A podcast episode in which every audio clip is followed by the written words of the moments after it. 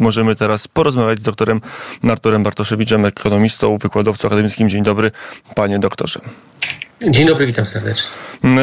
Y, to nie od newsa, od debaty, która trwa, zaczniemy, no, która się roz, no, rozogniła się po wyborach, czyli kwestii budowy w Polsce Centralnego Portu Komunikacyjnego. Nowy rząd, wydaje się, będzie ten port likwidował, a nie budował. Jakie są argumenty ekonomiczne za tym, żeby inwestycje porzucić?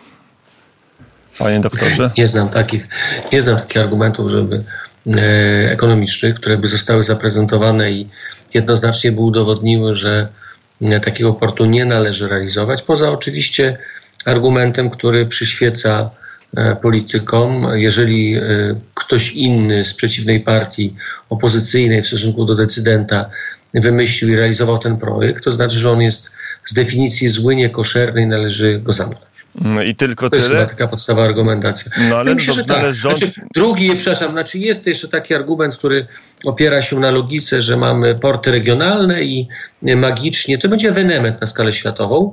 Mm, my połączymy te wszystkie porty i zrobimy jeden turboport. E, czyli to będzie jakiś taki dziwny twór. Nie wiem, czy będą jakieś takie pasy startowe połączone między poszczególnymi ośrodkami regionalnymi. E, ja mówiłem wiele lat, e, że mania portów regionalnych, którą realizowały, e, realizowało i finansowało e, ministerstwo wówczas funduszy unijnych i to wtedy nazywało się Ministerstwo Rozwoju Regionalnego, takie, taką nazwę miało, we współpracy z samorządami, zakompleksionymi samorządowcami, którzy za swój cel stawiali posiadanie lotniska. W ogóle lotnisko to było taka wielka podnieta, która mm, pojawiała się w poszczególnych regionach i każdy marszałek chciał mieć swoje, swoje lotnisko. To dziś ja bym chciał usłyszeć, ile samorządy włożyły, spaliły, spaliły pieniędzy publicznych na utrzymanie tych regionalnych portów. No i teraz co się dzieje? Przychodzi władza, która mówi, jest dogadana z tymi marszałkami, jak rozumiem, i mówi, będziemy ratować wasze lotniska, zagrożeniem według was dla mm, e, te, tych waszych lotnisk regionalnych jest CPK. Problem polega na tym, że nie CEPEK jest zagrożeniem dla regionalnych lotnisk, tylko same regionalne lotniska same sobie są dla siebie zagrożeniem i, i kompleksy na których zostały zbudowane, bo tam podstaw w wielu merytorycznych, w wielu regionach po prostu nie ma. Donald Tusk mówi, Ich jest za dużo i niepotrzebnie budowane. Nie potrzebujemy. Cytam, cytuję pana premiera Tuska dokładnie, bo ten, te słowa wryły mi się w pamięć. Nie potrzebujemy jednego wielkiego megalotniska, potrzebujemy wielu najnowocześniejszych lotnisk regionalnych. To jest wizja Malutki. Donalda Tuska.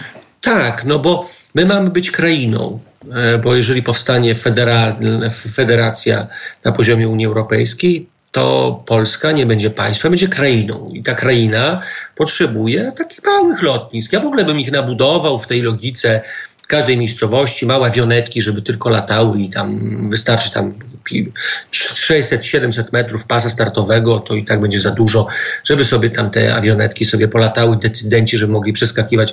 Znaczy, to pokazuje brak rozumowania w kategoriach strategicznych państwa. To jest rozumowanie, które ma zadowolić kacyków lokalnych. E, I ci, kacy, ci kacykowie e, mają swój ból. Ten ból polega na tym, że nietrafnie zrealizowane inwestycje ciążą im w budżecie i teraz trzeba nadać im nowego wymiaru. Więc mówi się, narrację się buduje, że je się wszystkie połączy i zrobi się z tego turbolotnisko. E, tak jak powiedziałem, będzie ewenement na skalę światową. Czegoś takiego nikt nigdzie nie zrealizował, ale Polacy będą pierwsi. E, więc połączone zostaną wszystkie pasy startowe i będziemy mieli wielkie, wielkie lotnisko. Proszę zobaczyć, że w ogóle nie ma mowy, nie ma dyskusji na temat cargo w Polsce. Jest dyskusja na temat limitów i czy te lotniska są wydolne, czy tam ludzie będą, ilu ludzi tam się uda obsłużyć i tak dalej. Pojęcie cargo w ogóle nie istnieje i ono nie leży w zainteresowaniu decydentów. W zainteresowaniu decydentów, tak jak powiedziałem, jest zaspokojenie potrzeb kacyków lokalnych, połączenie i od, jakby danie przyzwolenia na funkcjonowanie wielu projektów, które mają nierentowność wpisaną w model biznesowy. Nie, nie ma tam możliwości. E, jeżeli no chociażby Modlin, Modlin od początku wybudowania Modlin, przejrz... Olsztyn, to przejrzałem kilka... dokumenty cały czas na stracie. To jest rok za rokiem ale, strata, kiedy marszałek Struzik województwo, tak, ma zawsze dopłaca. pozycja marszałka, no znaczy nie marszałek dopłaca My dopłacamy.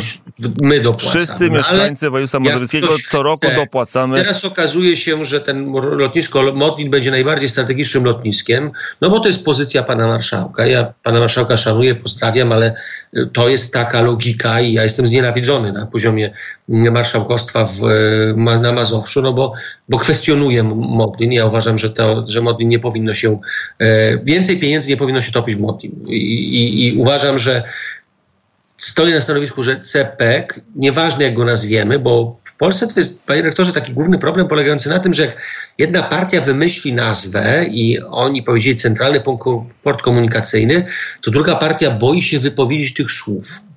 I decydent, który jest z drugiej partii, boi się powiedzieć, że CPK jest, coś, czy jest czymś dobrym. Więc ja proponuję, drodzy Państwo, żebyście zmienili nazwę. Nazwali to, tak jak lubicie, na przykład Europejskie Centrum Partnerstwa i Przyjaźni Komunikacyjnej e, i Wspólnoty Ponad narodami. Państw, ponad narodami. I teraz to wszystko zostanie umieszczone w tej przestrzeni, którą kiedyś było tym złym CPK, ale zostanie już koszerne, bo będzie inaczej nazwane i będzie można mówić o nowym projekcie, bo partie nowe przyszły z nowym projektem. Ja, ja śmieję, to jest, ja się śmieję, naprawdę, to jest sarkastyczne z mojej strony, ale drodzy Państwo, zejdźmy na ziemię, przeliczmy i oceńmy, co jest z punktu widzenia strategicznego e, ważne i, i też nie, dla mnie przeraża mnie to, jak e, ekonomiści lub eksperci mówią, że mm, dzisiaj to nie jest nam potrzebne. Właśnie największa głupota w projektach strategicznych jest myśleniem dziś, tu i teraz.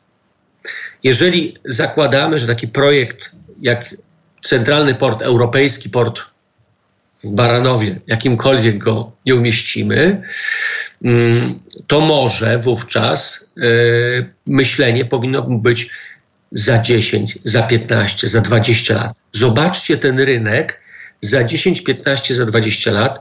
Zobaczcie i spróbujcie wyobrazić sobie polski pozycję za 10, 15, 20 lat. Wówczas zaczniemy normalnie rozmawiać o tym, chyba że wiedzą coś więcej niż ja. To znaczy, wiedzą, że Polski już nie będzie, że będzie kraina, że będzie Unia Europejska i rzeczywiście wtedy żaden port o charakterze centralnym nie jest potrzebny, bo będziemy krainą podległą e, innym obszarom i wtedy regionalne porty, lokalne, krainowe porty będą potrzebne. I cargo w ogóle zapomnijmy, bo największy biznes to jest cargo.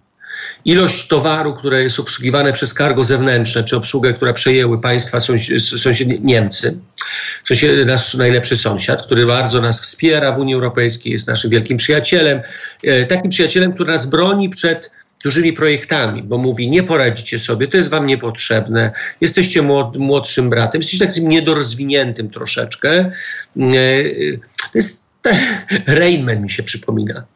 My jesteśmy takim bratem, Rainmanem, e, który zaskakuje troszeczkę tego Niemca, bo co jakiś czas pokazujemy, że my lepiej policzymy karty i potrafimy wygrać. Ale ten oczywiście e, niemiecki rząd będzie wykorzystywał e, swoimi decyzjami to, co, to w jakim interesie dla nich będzie, tak samo zresztą jak w Rainmanie było, a, a nie to, co jest w interesie tego, który rzeczywiście posiada dany potencjał.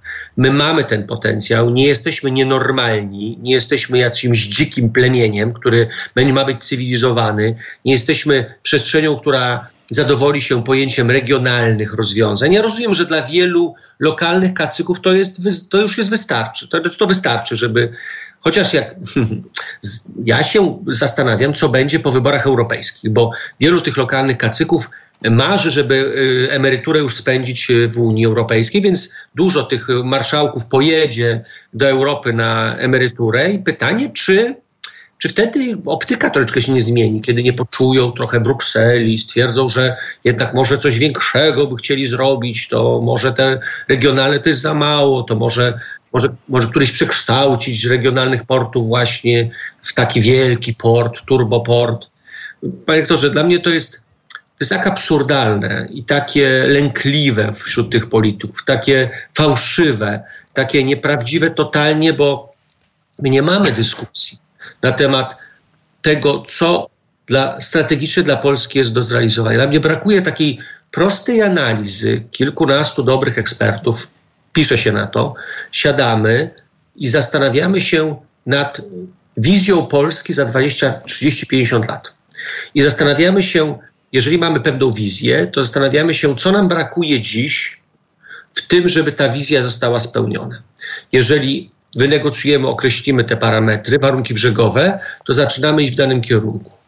E, kwestionuje się CEPEK, kwestionuje się za chwilę atomy, już dywagacje. Dzisiaj przeczytałem, jakie organizacje zaczęły kwestionować no, ocenę środowiskową. Jednoosobowe jakieś takie stowarzyszenia z Białego Stoku, słuchajcie, no, to, jest, to jest ewenement światowy. No, ale to znaczy, zaraz ja będą Niemcy, bo niemieckie organizacje mają kłopot z tym, że Polska chce wybudować rurociąg, który będzie płynąć ropa między Trójmiastem a Płockiem ja wiem, tylko ja pamiętam takiego jednego z marszałków w, w Białymstoku, zaraz po, po powstaniu tego województwa podlaskiego, który y, mówił dwie rzeczy. Po pierwsze, że chce mieć dostęp do, organizacji regionów bałtyckich i on się włączył. To ja wtedy bardzo się dziwiłem, bo nie pamiętam, żeby, znaczy może ja źle mapę widzę, żeby Podlasie miało dostęp do mm, Bałtyku, ale się upierał i zrobił to skubany, naprawdę.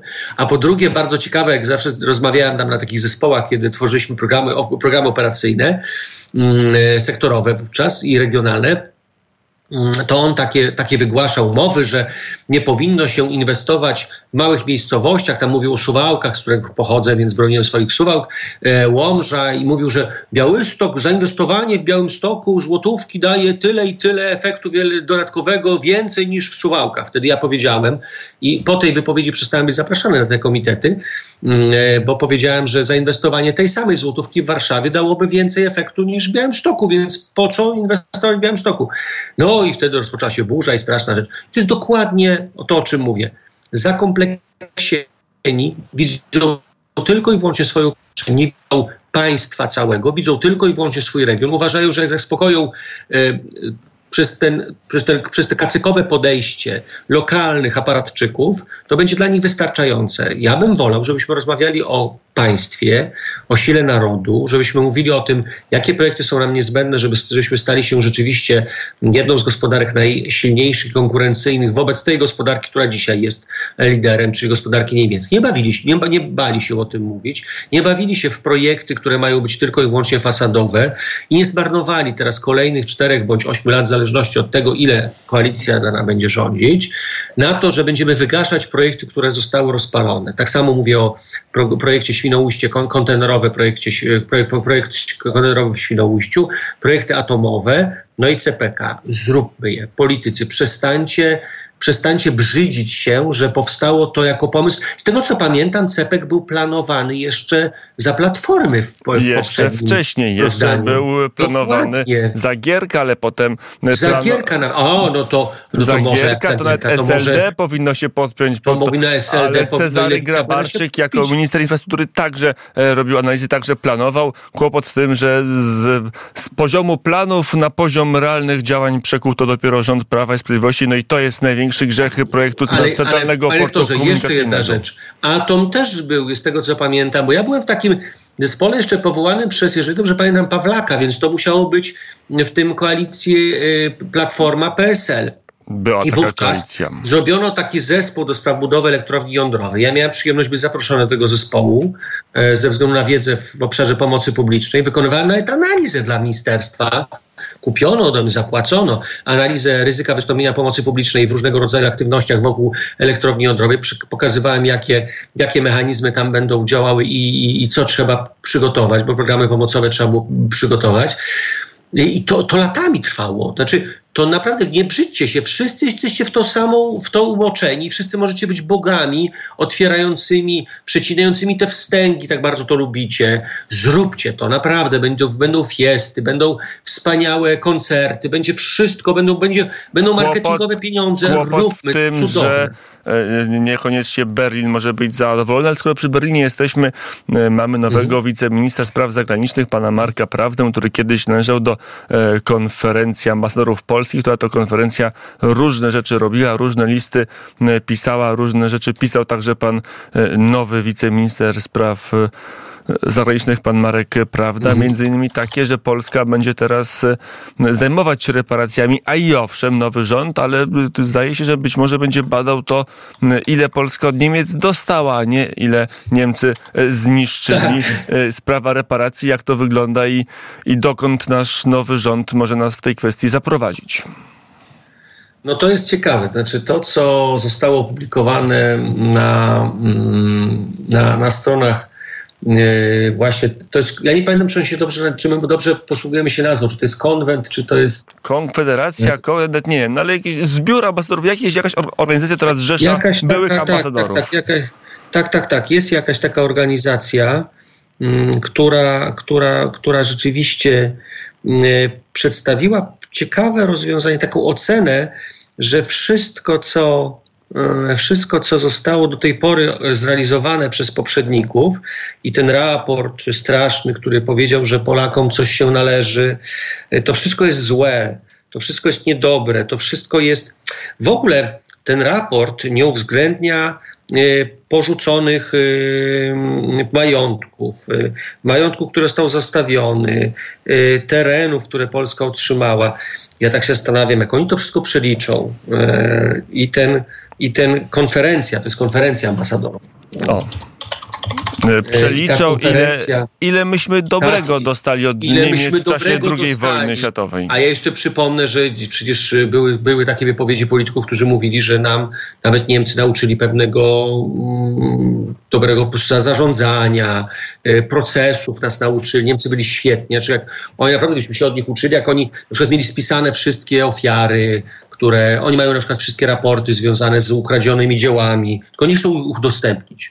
To jest ciekawe, bo gdyby udostępnili, to nam by łatwo, łatwiej było odzyskać e, to wszystko, co ukradli. A oni dzisiaj mówią, że nic nie wiedzą, ale ja w to nie wierzę, bo oni mają naprawdę świetne archiwa i wszystko zostało spisane, więc można się od nich uczyć. I ta konferencja rzeczywiście napisała taki list. Problem polega na tym, że pod tym listem nikt się nie podpisał. Jest taki tytuł Partyjna kampania reparacyjna, PiS wymaga audytu i, e, PiSu wymaga audytu i rozliczenia. Czyli jest e, to, że to wszystko było propagandą, że tam ten poseł Mularczyk był funkcjonariuszem, takie jest używane słowo. To jest ciekawe, bo piszą to dyplomaci, tak przynajmniej mi się wydaje, więc język dyplomatyczny tu w ogóle nie występuje. I dlatego jest ciekawe, bo pod tym materiałem nikt się nie podpisał. Nikt się nie podpisał. To jest jakiś anonimowy. Ja, ja zastanawiam się, czy konferencja ambasadorów RP nie powinna sprawić, czy ktoś na waszą stronę się nie włamał.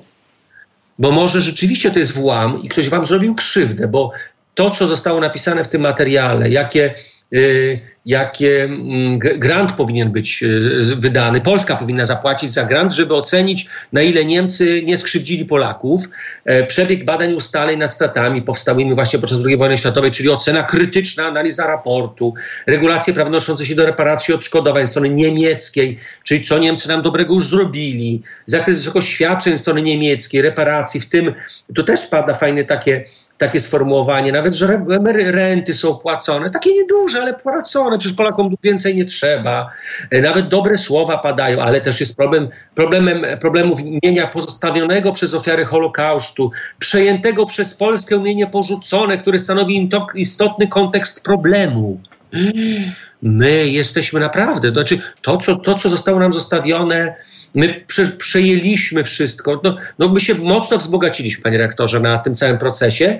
Ja uważam naprawdę, że jeżeli dobrze byśmy to zliczyli, sprawiedliwie według tego, co zostało zaproponowane, to Polska reparacje powinna zapłacić Niemcom. Mm, I takie może być stanowisko polskiego aktualnego rządu i dopiero będziemy mieć się Spyszne. I ja uważam, że naprawdę trzeba by było to dobrze rozważyć, bo, bo rzeczywiście może Niemcy nas dużo rzeczy nauczyli, poprawili, może, może gdybyśmy tak przeliczyli takie y, efekty, koszty zaniechania na przykład. Co by było, gdyby Polska rozwijała się bez wojny? No. Może by osiągnęła jakieś szkody dla siebie, stałaby się bogata, odbiłoby nam wszystkim, przewróciłoby się w głowie, byśmy zbudowali lotniska, które by im zagrażały, w ogóle całej Europie zagrażały, byśmy byli za silni.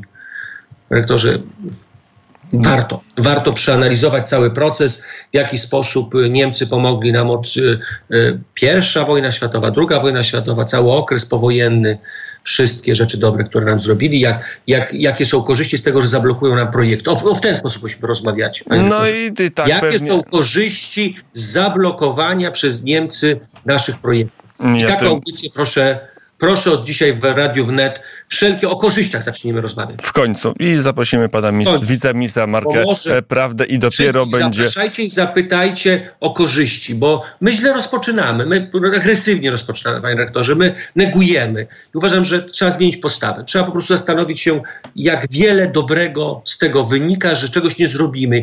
Nie będziemy mieli wypadków na budowach, nie będziemy mieli, e, nie, cement nie zostanie zmarnowany, można na przykład jakieś lepianki nam wszystkim pobudować. My problem, problem mieszkaniowy rozwiązać. Wiele rzeczy Same dobrych. plusy. Tak. Patrzmy optymistycznie. Doktor Artur Patrzmy Bartoszewicz, ekonomista, był naszym gościem. Panie doktorze, dziękuję bardzo za rozmowę. Słuchajcie Radia Wnet.